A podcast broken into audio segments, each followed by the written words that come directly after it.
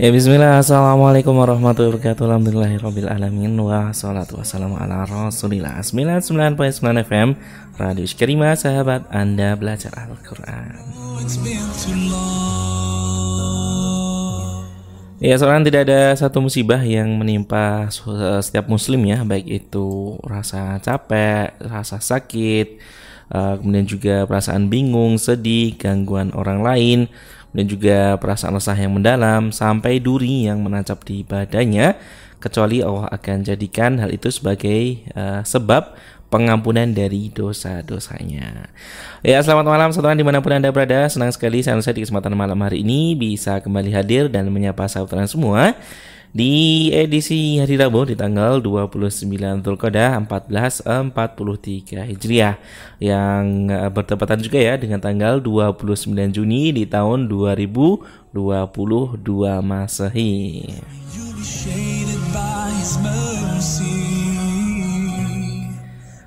Ya, bagaimana kabarnya sahabat semua di kesempatan malam hari ini ya? Tentunya kami mengharapkan ya, semoga sahabat semua dalam kondisi yang sehat ya dan tidak kekurangan apa pun tentunya ya. Dan bila mana Mungkin ada ya yang sedang diuji dengan uh, rasa sakit mungkin ya, dan juga rasa capek dan yang lainnya yang sudah kita sebutkan di awal tadi.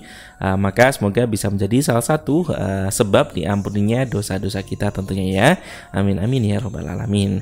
Dan untuk Anda yang mungkin baru menemukan gelombang kami ya di 99.9 FM, saat ini ada sedang merekam Radio Iskarima ya dan tentunya di program Bincang Sehat ya dan tentunya di program Bincang Sehat kita akan uh, membahas ya uh, materi mungkin ya seputar kesehatan di mana sebelumnya sudah di request ya oleh salah satu pendengar. Insya nanti kita akan sampaikan lagi ke Dokter Nur untuk materinya seperti itu. Kita uh, sampaikan lagi.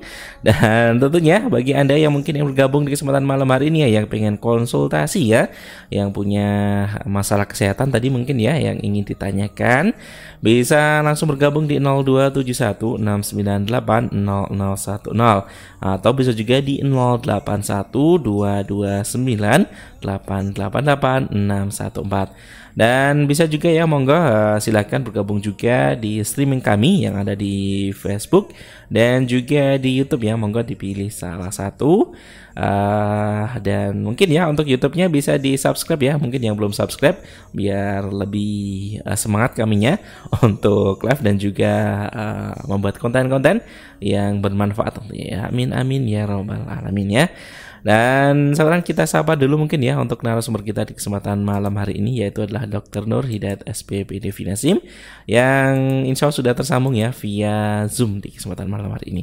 Kita sapa beliau terlebih dahulu. Assalamualaikum Dr. Nur. Waalaikumsalam warahmatullahi wabarakatuh. Ya selamat malam Dr. Nur. Selamat malam ya. Sehat gih insya Allah.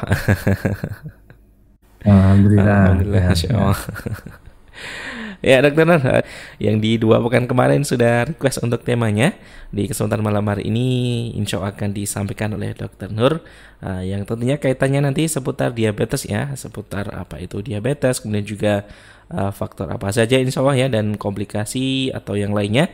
Intinya nanti kaitannya dengan diabetes di kesempatan malam hari ini. Jadi monggo yang mungkin ya uh, punya problematika juga seputar diabetes ini baik mungkin untuk keluarganya atau juga uh, sanak famili atau tetangga mungkin yang sedang menderita penyakit ini ya.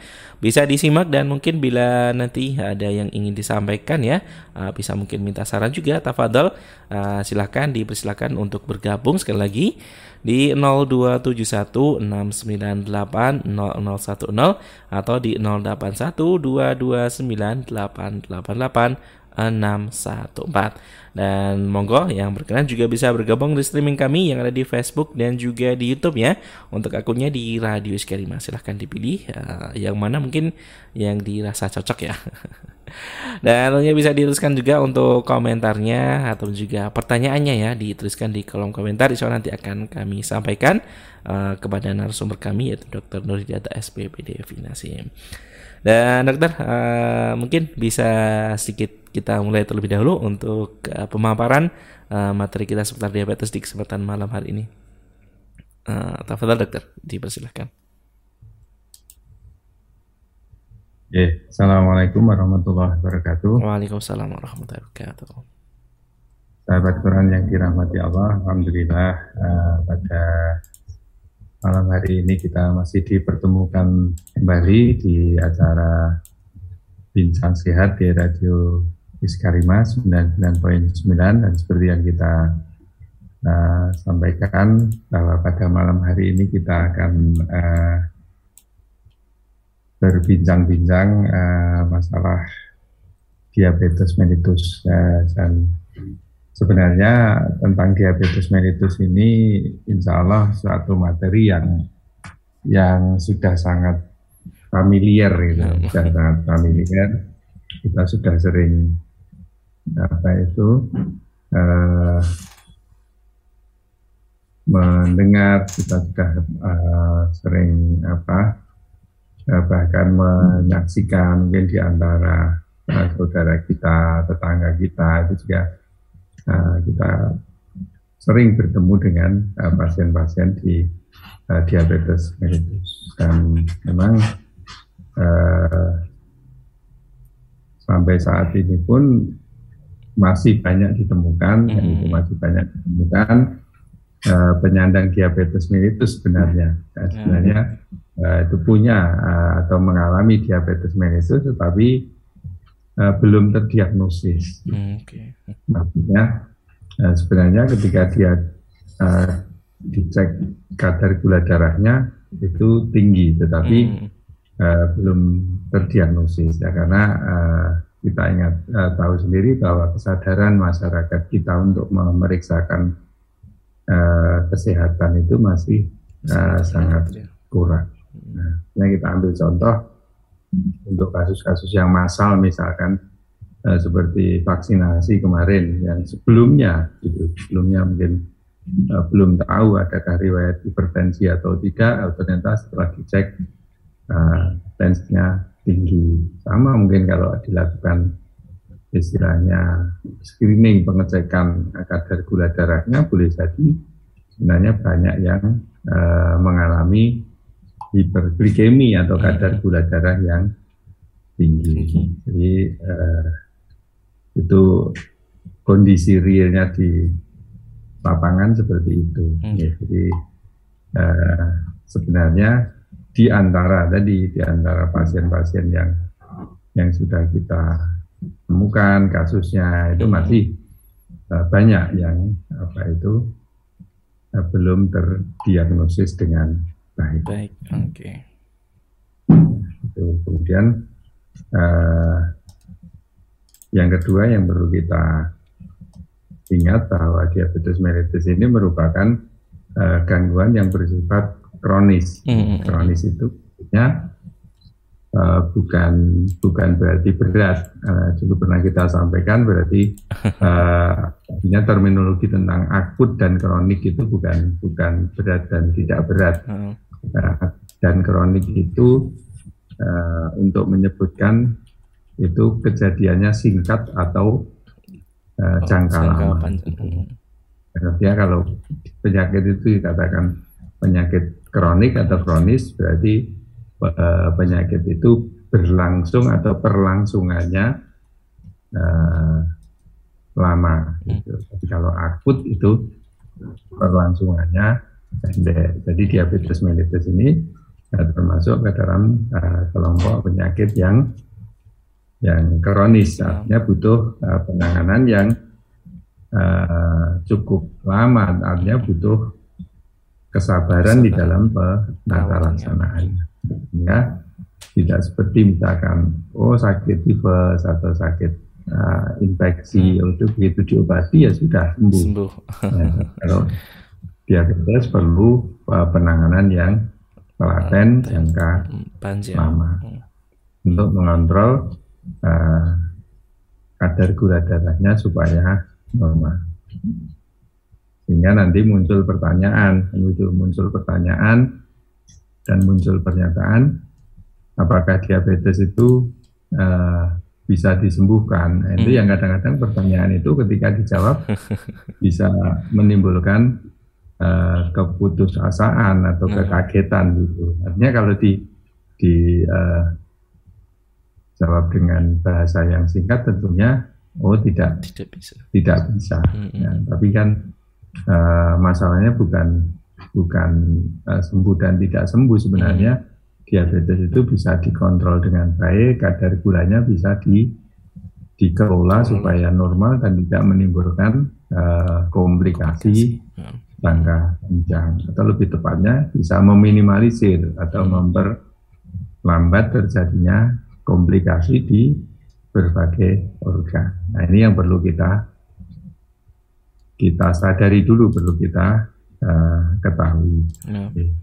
Jadi, uh, boleh dibilang uh, diabetes mellitus itu merupakan penyakit menaun ya hmm. menaun ya kan uh, atau bisa disandang bisa di apa itu miliki seumur hidup hmm. ya. jadi uh, pengelolaannya pun juga harus uh, telaten hmm. jadi ibaratnya apa kita lomba lari bukan bukan sprint tapi ini lari maraton membutuhkan, membutuhkan kesabaran sehingga nanti dalam pengelolaannya pun gitu dalam pengelolaannya pun juga uh, membutuhkan kerjasama yang baik, kerjasama hmm. yang baik antara uh, yang punya diabetes, kemudian dokternya, keluarganya, gitu, ya. artinya perawat, ahli gizi, tenaga kesehatan yang lain, ya, gitu. Artinya uh, masing-masing uh, saling membantu untuk uh, mengelola kadar, kadar gula darah, ya, termasuk nah, di dalam program pencegahan tentunya hmm. gitu.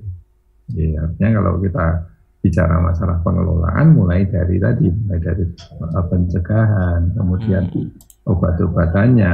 Nanti kalau ada komplikasi hmm. seperti yang disebutkan Mas Tahir tadi nah, kalau ada uh, penyulit dan sebagainya ini uh, mesti perlu di uh, kelola dengan baik uh, dalam satu satu tim yang baik. Okay. Tim itu bukan hanya bukan hanya uh, tenaga medis, tapi tadi keluarga, kemudian uh, individu yang uh, sakit dan uh, tentunya lingkungan juga. Mm. Sehingga boleh dikatakan bahwa diabetes mellitus ini adalah problem problem kita bersama. Hmm. Jadi bukan bukan hanya problem uh, individu yang uh, mengalami uh, diabetes itu sendiri. Hmm. Ya, dan itu saya kira. Kemudian uh, kita masuk ke dalam definisi kan itu. Hmm. Definisi apa toh yang yang sebenarnya di, di uh, maksud dengan uh, diabetes mellitus itu. Jadi diabetes mellitus ini adalah uh, suatu kelompok gangguan metabolik gitu. Metabolik itu artinya mekanisme pengolahan di dalam tubuh yang ditandai dengan adanya hiperglikemia. Hiperglikemia itu yaitu tingginya kadar gula darah di dalam tubuh. Hmm. Jadi kita ulangi, jadi adalah sekelompok penyakit metabolik ya dengan uh, ditandai atau dengan karakternya berupa hiperglikemia. Hiperglikemia itu kadar gula darah yang melebihi normal. Okay. Dan ini terjadi karena atau akibat kelainan dari istilahnya sekresi insulin. Sekresi insulin itu produksi insulin mm-hmm. di dalam tubuh. Yang kedua, karena kerja insulin atau kedua-duanya. Jadi intinya adalah peningkatan kadar gula darah di dalam tubuh yang diakibatkan karena uh, gangguan atau kelainan sekresi atau produksi ya. hormon insulin. Yang kedua karena kerja insulin, ya, produksinya normal tapi kerjanya sudah tidak optimal atau kedua-duanya. Baik itu gangguan sekresi, produksi maupun uh, apa itu uh, kapasitas kerja insulinnya. Hmm. Dan uh, kalau kita klasifikasikan begitu, klasifikasikan diabetes itu ada tipe 1, tipe 2, tipe lain, hmm. dan diabetes mellitus gestasional. Okay. Diabetes mellitus gestasional itu diabetes mellitus yang terjadi ketika hamil. Se Jadi, ketika hamil dokter ya? sebelum hamil ya ketika sebelum hamil tidak gula darahnya tidak meningkat tetapi pas hamil dicek gula darahnya tinggi itu yang disebut diabetes mellitus gestasional hmm. seperti kasus preeklamsi misalkan oh nah. dia mengalami tensi tinggi kakinya bengkak itu ketika hamil di luar kehamilan tidak maka ini dibagi uh, atau diklasifikasikan sebagai kelompok tersendiri yaitu hmm. diabetes mellitus gestasional.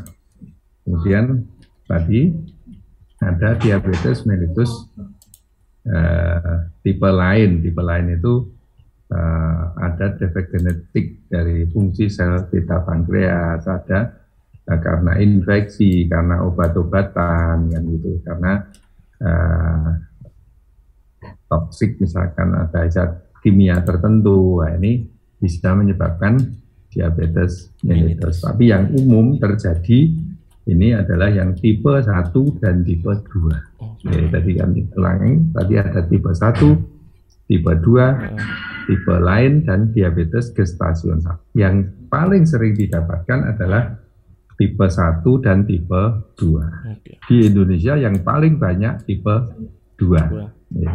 Tipe 1 ini eh, kebanyakan didapatkan di luar negeri hmm. ya terutama di negara-negara Eropa tipe 1 itu uh, artinya karena gangguan atau kekurangan hormon insulin secara absolut atau hmm. mutlak. Hmm, Jadi memang memang pabriknya itu uh, produksinya berkurang. Ya, sel beta pankreas ini uh, berkurang di dalam mengeluarkan produk hormon insulin. Insulinnya. Ini disebut oh. dengan diabetes mellitus tipe 1. 1. Dan ini penyebabnya tidak diketahui. Tidak diketahui. Yang mendasari adalah reaksi autoimun. Ya. Dan ini umumnya timbul sejak kecil. Ah, bawaan dokter ya. Hmm. Ya, sejak kecil. Nah, genetik kan gitu. Nah, ini tipe 1 ini eh, banyak di luar negeri tadi. Kalau yang di tempat kita, nah ini yang paling banyak adalah diabetes mellitus tipe 2. Nah, ini umumnya uh, muncul atau timbul ketika dewasa. Dan ini gangguannya atau sifatnya bervariasi mulai dari yang dominan itu resistensi insulin atau gangguan fungsi insulin bisa juga karena memang produksi insulinnya sudah berkurang, berkurang. atau bisa dua-duanya tadi. Bedanya dengan tipe 1, kalau tipe 1 itu jelas produksinya berkurang. Sehingga nanti penanganannya yang tipe 1 ya mutlak diberikan insulin, suntian insulin. Tapi yang tipe 2 tidak, hanya tipe mutlak uh, menggunakan insulin. Karena tadi uh, apa penyebabnya bisa karena resistensi insulin. Resistensi insulin maksudnya begini, insulinnya cukup, okay. tapi kerjanya tidak optimal. Oh. Ya, kita ibaratkan di satu kantor yeah. atau di satu pabrik itu karyawannya masih cukup, masih utuh seperti yeah. dulu ketika ketika awal misalnya. Okay. Oh jumlah karyawannya 10, oh, tetap 10. Tapi yang 10 itu ternyata kapasitas kerjanya sudah menurun. Nah ini ini yang yang uh, bisa kita pakai untuk pendekatan diabetes mellitus tipe 2 itu seperti itu hmm. terjadi resistensi insulin. Nah, sebenarnya jumlahnya cukup tetapi uh, resisten atau uh, kerjanya itu kapasitas kerjanya menurun Menurut. sehingga dia tidak bisa bekerja dengan baik artinya tidak bisa atau tidak mampu memasukkan glukosa atau zat gula dari pembuluh darah ke sel-sel tubuh sehingga kadar gula darahnya di tubuh menjadi di pembuluh darah menjadi tinggi. Tinggi, oke. Okay. Nah, uh, insulinnya tidak mampu untuk mendistribusikan ya, insul uh,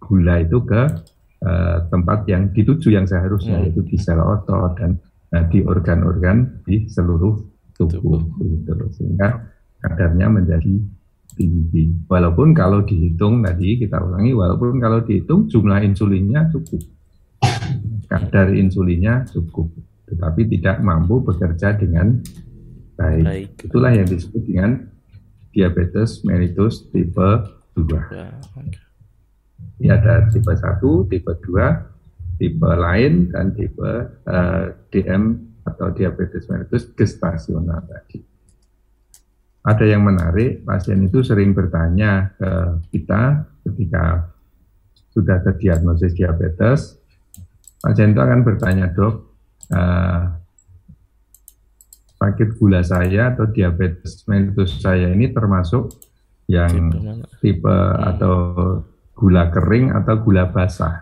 Ini ini sering kita hmm. mendapatkan pertanyaan semacam itu. Entah asalnya dari dari mana, tapi yang hmm. jelas tidak hanya satu dua pasien yang menanyakan seperti ini, tetapi banyak pasien. Dan kita sendiri pun tidak tahu tadi hanya ya, itu pembagiannya atau istilah itu dari dari mana. Mana. Ya, kalau, yang, kalau yang, yang sering kita temukan dokter di masyarakat itu, ini dari mana ya tadi uh, dokter dari orang awam. Kalau uh, bilangnya uh, diabetes diabetes kering itu yang orangnya uh, apa namanya kurus kering kayak gitu. Kalau yang diabetes basah hmm. orangnya gemuk kayak gitu dokter. yang sering saya ketemukan di masyarakat seperti itu dokter. Ya. eh, kalau itu kan sebenarnya pasien sudah tahu sendiri nah, untuk kurus atau gemuk. Ya, nanti ada yang berpendapat tuh hmm. kalau sampai luka dan sebagainya jadi eh, basah. Nah ini kan hmm. makanya uh, terminologi ini pembagian ini kita kita tidak tahu asalnya dari mana dan uh, kita tegaskan di sini bahwa tidak ada pembagian uh, diabetes di basah dan uh, kering atau gula basah dan uh, kering. kering. Di, ya, hanya pembagian tadi ada tipe satu, tipe dua, kemudian tipe lain dan diabetes mellitus gestasional. Kemudian eh, bagaimana kita menegakkan diabetes mellitus? Ya, artinya ada berbagai keluhan yang dapat ditemukan pada penyandang diabetes. Jadi kecurigaan adanya diabetes mellitus itu perlu dipikirkan apabila uh, terdapat keluhan klasik kita menyebutnya keluhan klasik. Hmm. Keluhan klasik itu keluhan yang yang sering dialami ya uh, bagi pasien-pasien diabetes mellitus keluhan klasik ini berupa kalau istilah medisnya poliuri, polidipsi dan polifagi. Ah, maksudnya apa poliuri itu? poliuri itu maksudnya uh, sering buang air kecil. Ah. Poliuri uh, dari kata-kata kita familiar dengan urin ya, poliurin artinya sering ya, nah, beliau sering ya, berkemih atau sering buang air kecil. Kemudian ya, polidipsi, nah, ini rasanya haus terus, ngelak hmm, ngorong orang tadi. Nah. Kemudian polifagi, nah ini ya, lapar terus ngepengennya makan, makan ya itu tetapi ya, terjadi penurunan berat badan. Hmm, okay. Dan penurunan berat badan ini tidak tidak bisa dijelaskan, artinya tidak ada sakit tertentu misalkan, hmm. Dan dia juga tidak uh, tidak menyengaja untuk menurunkan berat badan misalnya. Kalau tiba-tiba kok kurus, uh, berat badannya turun, nanti. Okay. Uh. Itu yang di, kita sebut dengan gejala klasik yaitu ada poliuri, polidipsi dan polipagi. Nah, jadi ya, sering masya. buang air kecil, kemudian uh, tadi uh, haus terus hmm. atau ngorong istilah Jawanya, kemudian uh, sering makan. Yeah. Kemudian yeah. keluhan lainnya bisa uh, berupa badannya lemah, mm, mm, kesemutan, gatal-gatal, okay. nah. pandangan kabur. Pada pria bisa uh, datang dengan keluhan uh, disfungsi ereksi atau gangguan uh, ereksi. Pada wanita bisa berupa pruritus atau gatal-gatal di uh, area uh, sekitar kemaluan. Okay. Nah, Ini uh, gejala-gejala yang ditimbulkan pada okay. pasien diabetes mellitus. Ya dokter, uh, sebelum kita lanjutkan lagi lebih uh, jauh dokter, dan tentunya tidak akan selesai pembahasan kita untuk uh, diabetes ini dalam satu waktu dokter. Ya. akan kita lanjutkan lagi di pertemuan berikutnya tentunya. Namun uh, sebelumnya dokter kita sudah lumayan ini untuk penyampaian materinya kita mungkin break sejenak ya dokter ya. Sebelum nanti kita ya, bacakan ya, pertanyaan yang sudah disampaikan oleh sahabat Quran, ini sudah ada dua yang masuk nanti akan kami kirimkan seperti itu dokter. Ya dan saran tentunya bagi bagi saudara semua yang ingin bergabung masih kami tunggu uh, ya. Uh, monggo tafadhol bisa mengirimkan pertanyaannya ya di tentunya di nomor 081 229 atau mungkin kalau nanti mau telepon ya bisa di 0271 698 0010 tentunya setelah kita break ya kita akan break sejenak terlebih dahulu. Dan mungkin nanti kalau mau ada yang gabung yang pengen konsultasi lebih lanjut uh, bisa menghubungi nomor yang sudah kita sampaikan di atas. Jangan ke mana-mana ya kita akan jeda sejenak terlebih dahulu. Uh, jangan ke mana, tetap setia bersama kami di 99.9 FM Radio Sekarima, sahabat Anda belajar Al-Quran. Iya, selamat kembali lagi di program Bincang Sehat ya kesempatan malam hari ini masih bersama dengan saya Ano saya tentunya dan sambil menunggu uh, Dr. Nur kembali ya, tersambung ya dengan Zoom kami di kesempatan malam hari ini. Uh, monggo ya yang pengen gabung sekali lagi kami sampaikan ya bisa bergabung di line telepon kami ya monggo yang langsung telepon ya dipersilakan bisa di 02716980010 atau bisa juga uh, mengirimkan pertanyaan atau juga telepon juga ya bisa di nomor satunya di 081229888614 ya bisa via WhatsApp atau mungkin telepon biasa juga dipersilahkan di nomor tersebut ya.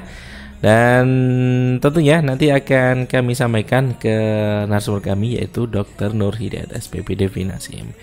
Ya dan uh, sudah ada beberapa pertanyaan ya yang masuk di kesempatan malam hari ini. Kita utamakan dulu mungkin ya kita sampaikan ke Dr. Nur nanti untuk yang uh, sudah request materinya ya.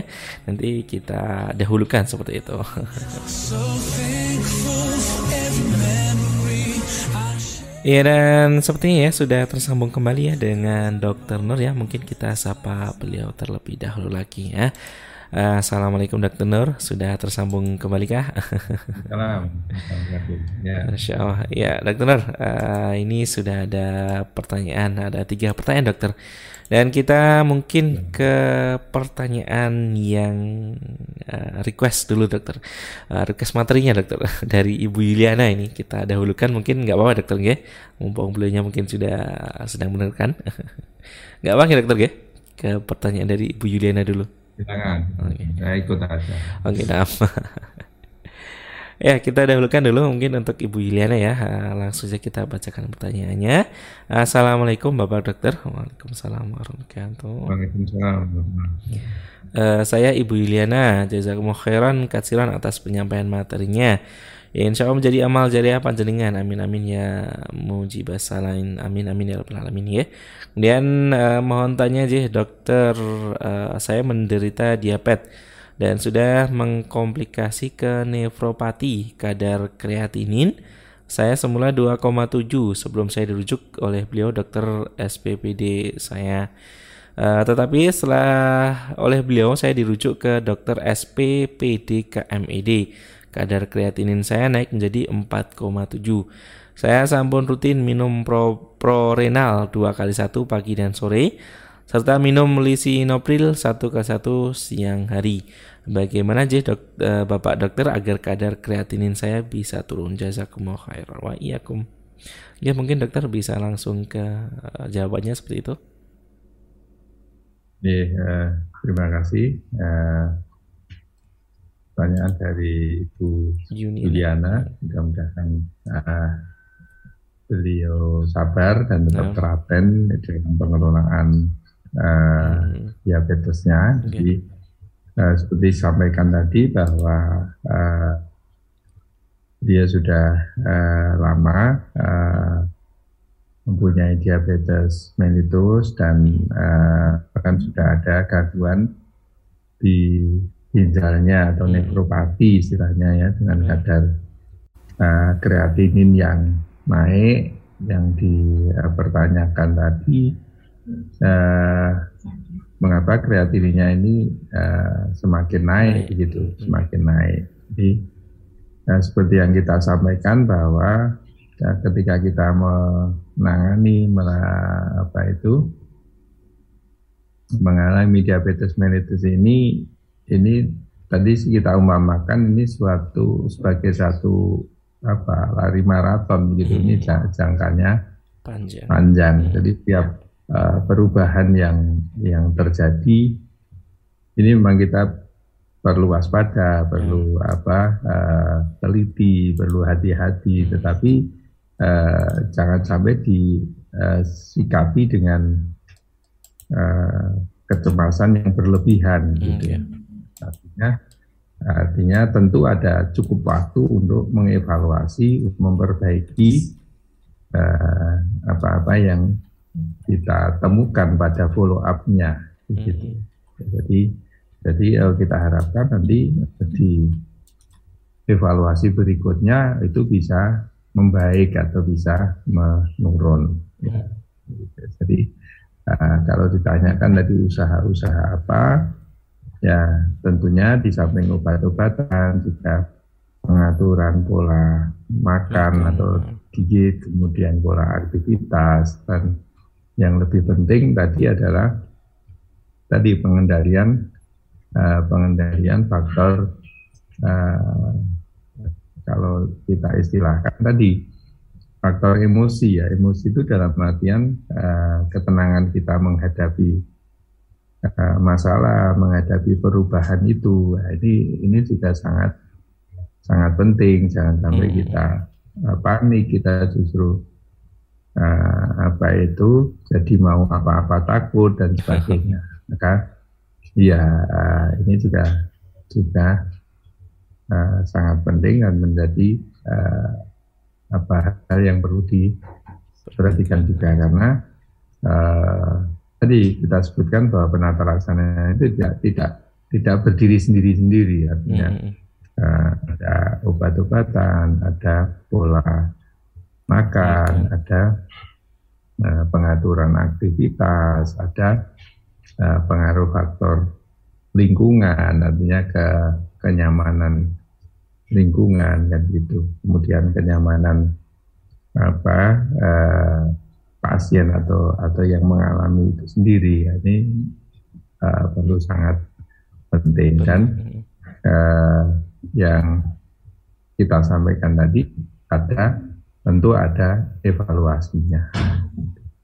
Dan biasanya kalau kalau uh, kontrol untuk gangguan-gangguan semacam ini atau penyakit kronik istilahnya, uh, itu seorang dokter akan menganjurkan kontrolnya satu bulan sekali. Hmm. jadi uh, kita beri waktu uh, Bapak Ibu dokter yang mengelola itu untuk mengadakan ya, evaluasi dari dari pengobatannya. Nah, karena ya pengobatan tidak tidak bisa instan, tidak bisa langsung oh dalam waktu singkat mesti uh, membaik dan sebagainya. Itu saya kira yang bisa kita jawab dan mudah-mudahan nanti uh, apa bisa kita lengkapi dengan keterangan-keterangan selanjutnya. Nah, Ya, itu dah ya uh, jawabannya ya untuk Ibu Yuliana aja uh, seperti yang sudah disampaikan dokter tadi. Uh, semoga bisa menjadi sebuah uh, penggugur dosa juga untuk uh, Ibu Yuliana ya. Semoga sakitnya tadi bisa menggugurkan dosa-dosa yang telah dilakukan pada masa-masa sebelumnya dan juga diberikan kesabaran ya atas penyakitnya tadi dan uh, ketelatenan ya untuk uh, menghadapi uh, penyakitnya tadi dan mungkin kalau misalnya ada hal lainnya ya komplikasi dan sebagainya atau hal lainnya mungkin yang berkenaan dengan uh, penyakitnya tadi yang ingin ditanyakan ya monggo nanti bisa disampaikan kembali ke nomor radio ya nanti insya Allah akan kami sambungkan ke dokter Nur seperti itu jadi uh, dipersilakan ya untuk Ibu Yuliana dan juga uh, uh, masyarakat lainnya mungkin pendengar lainnya yang ingin uh, konsultasi mungkin bisa disampaikan di kesempatan malam hari ini. Ya dokter kemudian kita ke pertanyaan berikutnya ya dokter ya kita lanjut ya. Ya. Ya uh, ini dari uh, yang mana dulu dokter? oh ya dari Kak Rima dokter di uh, Sukarjo. Assalamualaikum dokter. Waalaikumsalam. Waalaikumsalam. Uh, dokter Nur, saya mau konsultasi. Ibu saya punya penyakit komplikasi seperti ma, diabetes, kolesterol, hipertensi. Untuk mencegahnya supaya tidak kambuh uh, begitu bagaimana dokter? Terkadang sakitnya muncul satu-satu uh, obat untuk satu penyakit, tapi penyakit lain muncul lagi. Mohon sarannya, dokter. Oke, uh, terima kasih atas uh, pertanyaannya. Ya. Jadi uh, tadi disebutkan bahwa uh, ibu dari penanya ini apa tadi, Mas? Mbak Rima, hmm. Kak Rima di Sukarjo. Ya, ya, ya, itu dari Mbak Rima di Sukarjo tadi. Uh, beliau menyebutkan ada punya penyakit komplikasi hmm. seperti nah, diabetes, kolesterol, hipertensi. Nah, hmm. uh, jadi begini perlu perlu kita perlu kita sampaikan dulu, perlu kita luruskan. Hmm. Ada penyakit yang dia itu berkomplikasi. Berkomplikasi. Tetapi, ya berkomplikasi. Hmm tetapi ada istilah komorbid. Komorbid, ya. Ya, ya komorbid. Komorbid itu maksudnya ada beberapa penyakit yang kebetulan datangnya bareng-bareng atau di, dimiliki oleh uh, seseorang. Nah, misalkan seorang itu punya lebih dari satu gangguan atau satu penyakit. Misalkan tadi kayak kayak uh, kemudian kolesterol, diabetes, hipertensi. Ini bukan komplikasi, ini komorbid. Uh, yang kebetulan terjadi bersamaan. Kalau komplikasi itu maksudnya begini, uh, diabetes dia berkomplikasi tadi, uh, kayak pertanyaan Bu Yana tadi, dia berkomplikasi ke ginjal namanya nefropati. Mungkin berkomplikasi di sistem saraf namanya neuro mati atau berkomplikasi ke mata namanya retinopati. Ya. itu itu komplikasi namanya. Nah tapi kalau yang disebutkan di pertanyaan kedua ini ini namanya komorbid.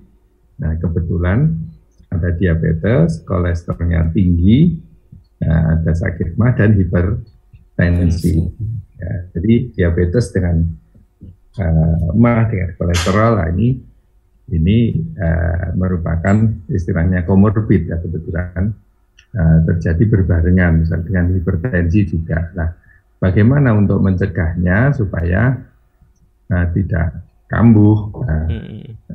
Maka bisa kita identifikasi bahwa oh ini yang penyakit kronisnya yang jangka panjang ada dua yaitu diabetes dan hipertensi.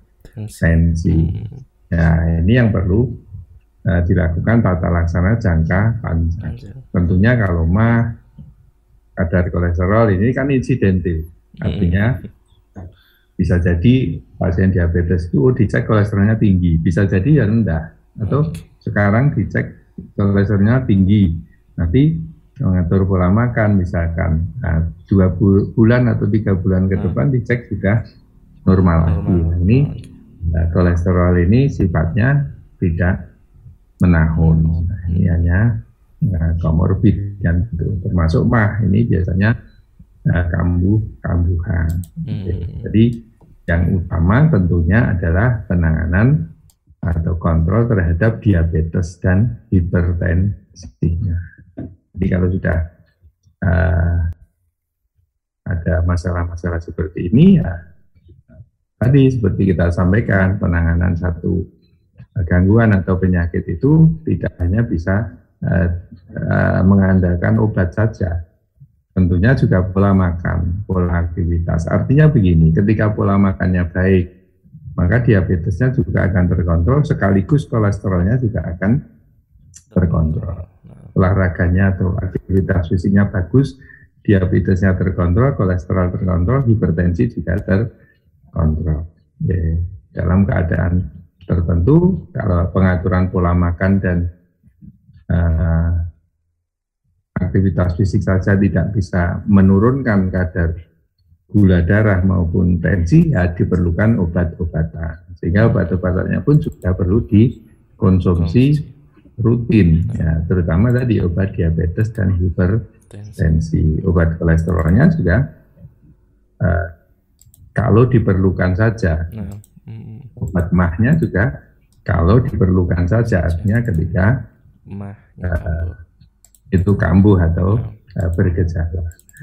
Problemnya begini, problemnya ada obat-obat tertentu yang ketika itu diminum maka efeknya lambungnya atau ya efeknya atau ya bisa mengganggu kadar kolesterolnya. Hmm. Maka nah, ketika apa uh, berobat, ketika memilih pengobatan ya uh, seyogyanya uh, memperhatikan ini hal-hal ini. Hmm. Nah, artinya dipilih obat tertentu, dipilih cara pengobatan yang tidak mengganggu uh, komorbid tadi. Ya. ya, misalkan ada mah ya dipilih obat-obat yang tidak mengganggu uh, fungsi, fungsi pencernaan. Ya, uh, kolesterolnya tinggi ya tentunya juga apa dipilih pola makan, uh, kegiatan yang bisa menurunkan kolesterol, termasuk obat-obatan yang tidak mengganggu uh, fungsi atau meningkatkan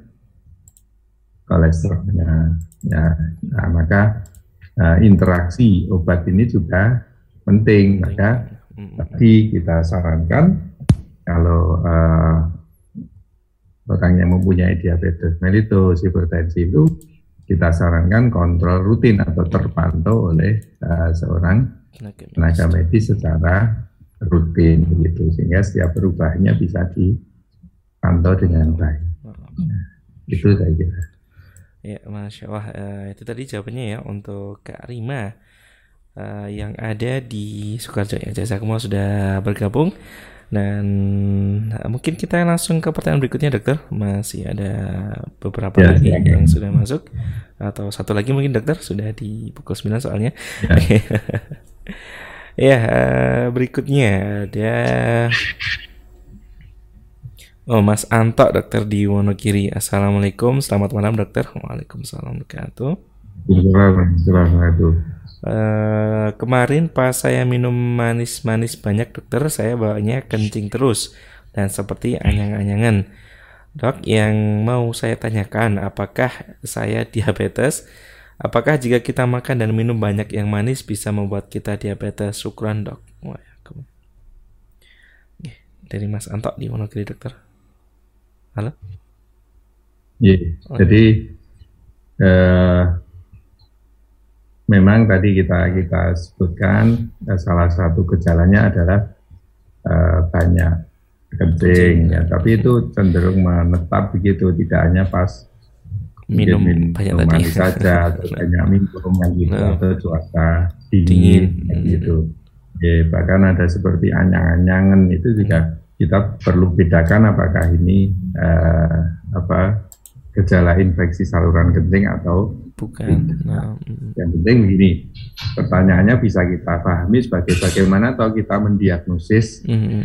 uh, diabetes mellitus ya. Jadi kalau ada gejala klasik tadi perlu kita konfirmasi, kita cek nah. kadar gula darah. Oke. Okay. Jadi yang gejala itu saja tidak tidak cukup untuk mm Fonis, uh, apa itu mendiagnosis hmm. maka perlu dicek kalau ada gejala itu dicek ada glukosa atau gula hmm. darah uh, sewaktu ya, sewaktu okay. itu maksudnya tidak pakai puasa sebelum pemeriksaan ya hmm. sebelum pemeriksaan puasa di sini maksudnya adalah tidak makan uh, tidak minum hmm. yang mengandung glukosa atau manis uh, minimal 8 jam. Nah, ini maksudnya puasa lah. Hmm, okay. Kalau tanpa puasa artinya diambil sewaktu itu lebih dari 200. Mm -hmm. Tapi kalau kondisi puasa tadi 8 jam tadi lebih dari 126. Nah, nah ini ini bisa dibilang oh ini diabetes. Hmm. Halo? Jadi hmm. itu uh, untuk mengkonfirmasi untuk mendiagnosis apakah ini diabetes atau, atau bukan. tidak. Jadi tidak hanya tergantung uh, karena banyak makan manis atau juga minum manis atau juga ya, karena ya, kencing terus tadi dokter ya. Tapi ya, benar-benar dicek kadar gulanya. Artinya uh, uh, artinya begini, artinya jangan dibiasakan ya makan yang manis-manis uh, dalam porsi yang banyak dan uh, waktu yang cukup lama. lama karena itu nanti akan membentuk pola metabolisme di dalam tubuh, tubuh. Ya. artinya memperberat kerja dari uh, insulin itu hmm. hormon insulin yang nanti pada akhirnya bisa menyebabkan resistensi in insulin. insulin. Okay. Ya walaupun uh, tidak ada faktor risiko artinya tidak ada misalkan oh ayahnya kakeknya artinya yang yang diabetes tapi karena karena pola makan yang kurang tepat, hmm. ya, mungkin ditunjang dengan pola aktivitas yang kurang, uh, kurang sehat, baik, yang bisa ya bisa seseorang akhirnya kena diabetes mellitus. Okay. Ya, uh, terima kasih dokter atas jawabannya dan waktunya di kesempatan malam hari ini dan mungkin itu pertanyaan terakhir dokter yang bisa kita sampaikan di kesempatan kali ini. Uh, sekali lagi kami ucapkan jazakumullah khair dokter atas ilmu dan waktunya dan uh, semoga kita bisa berjumpa kembali di program uh, bincang saya di pekan berikutnya dokter ya. Amin amin ya robbal alamin. Dan hmm. kita tetap nggak mau ya dokter ya. Ya silakan. ya dan untuk saudara semua ya yang sudah bergabung di kesempatan malam hari ini kami ucapkan jazakumullah khair uh, sudah bergabung atas atensinya uh, semoga bermanfaat ya apa yang sudah disampaikan oleh Dr. Nur Hidayat tadi dan nah, mohon maaf mungkin bila mana ada salah kata atau juga hal yang kurang berkenan di hati pendengar semua kami mohon maaf yang sebesar-besarnya kita akhiri dulu perjumpaan kita di kesempatan malam hari ini akhirnya saya Nur saya bertugas mewakili Dr. Nur Hidayat SPPD Finasim dan juga uh, Quran Karimah yang lainnya ya pamit undur diri dari ruang dengar sahabat Quran semua. Dan insya Allah pekan depan kita masih akan berjumpa di program Bincang Sehat di jam yang sama tentunya. Jangan ke mana tetap setia bersama kami di 99.9 FM Radio Karimah sahabat Anda belajar Al-Quran. Wassalamualaikum warahmatullahi wabarakatuh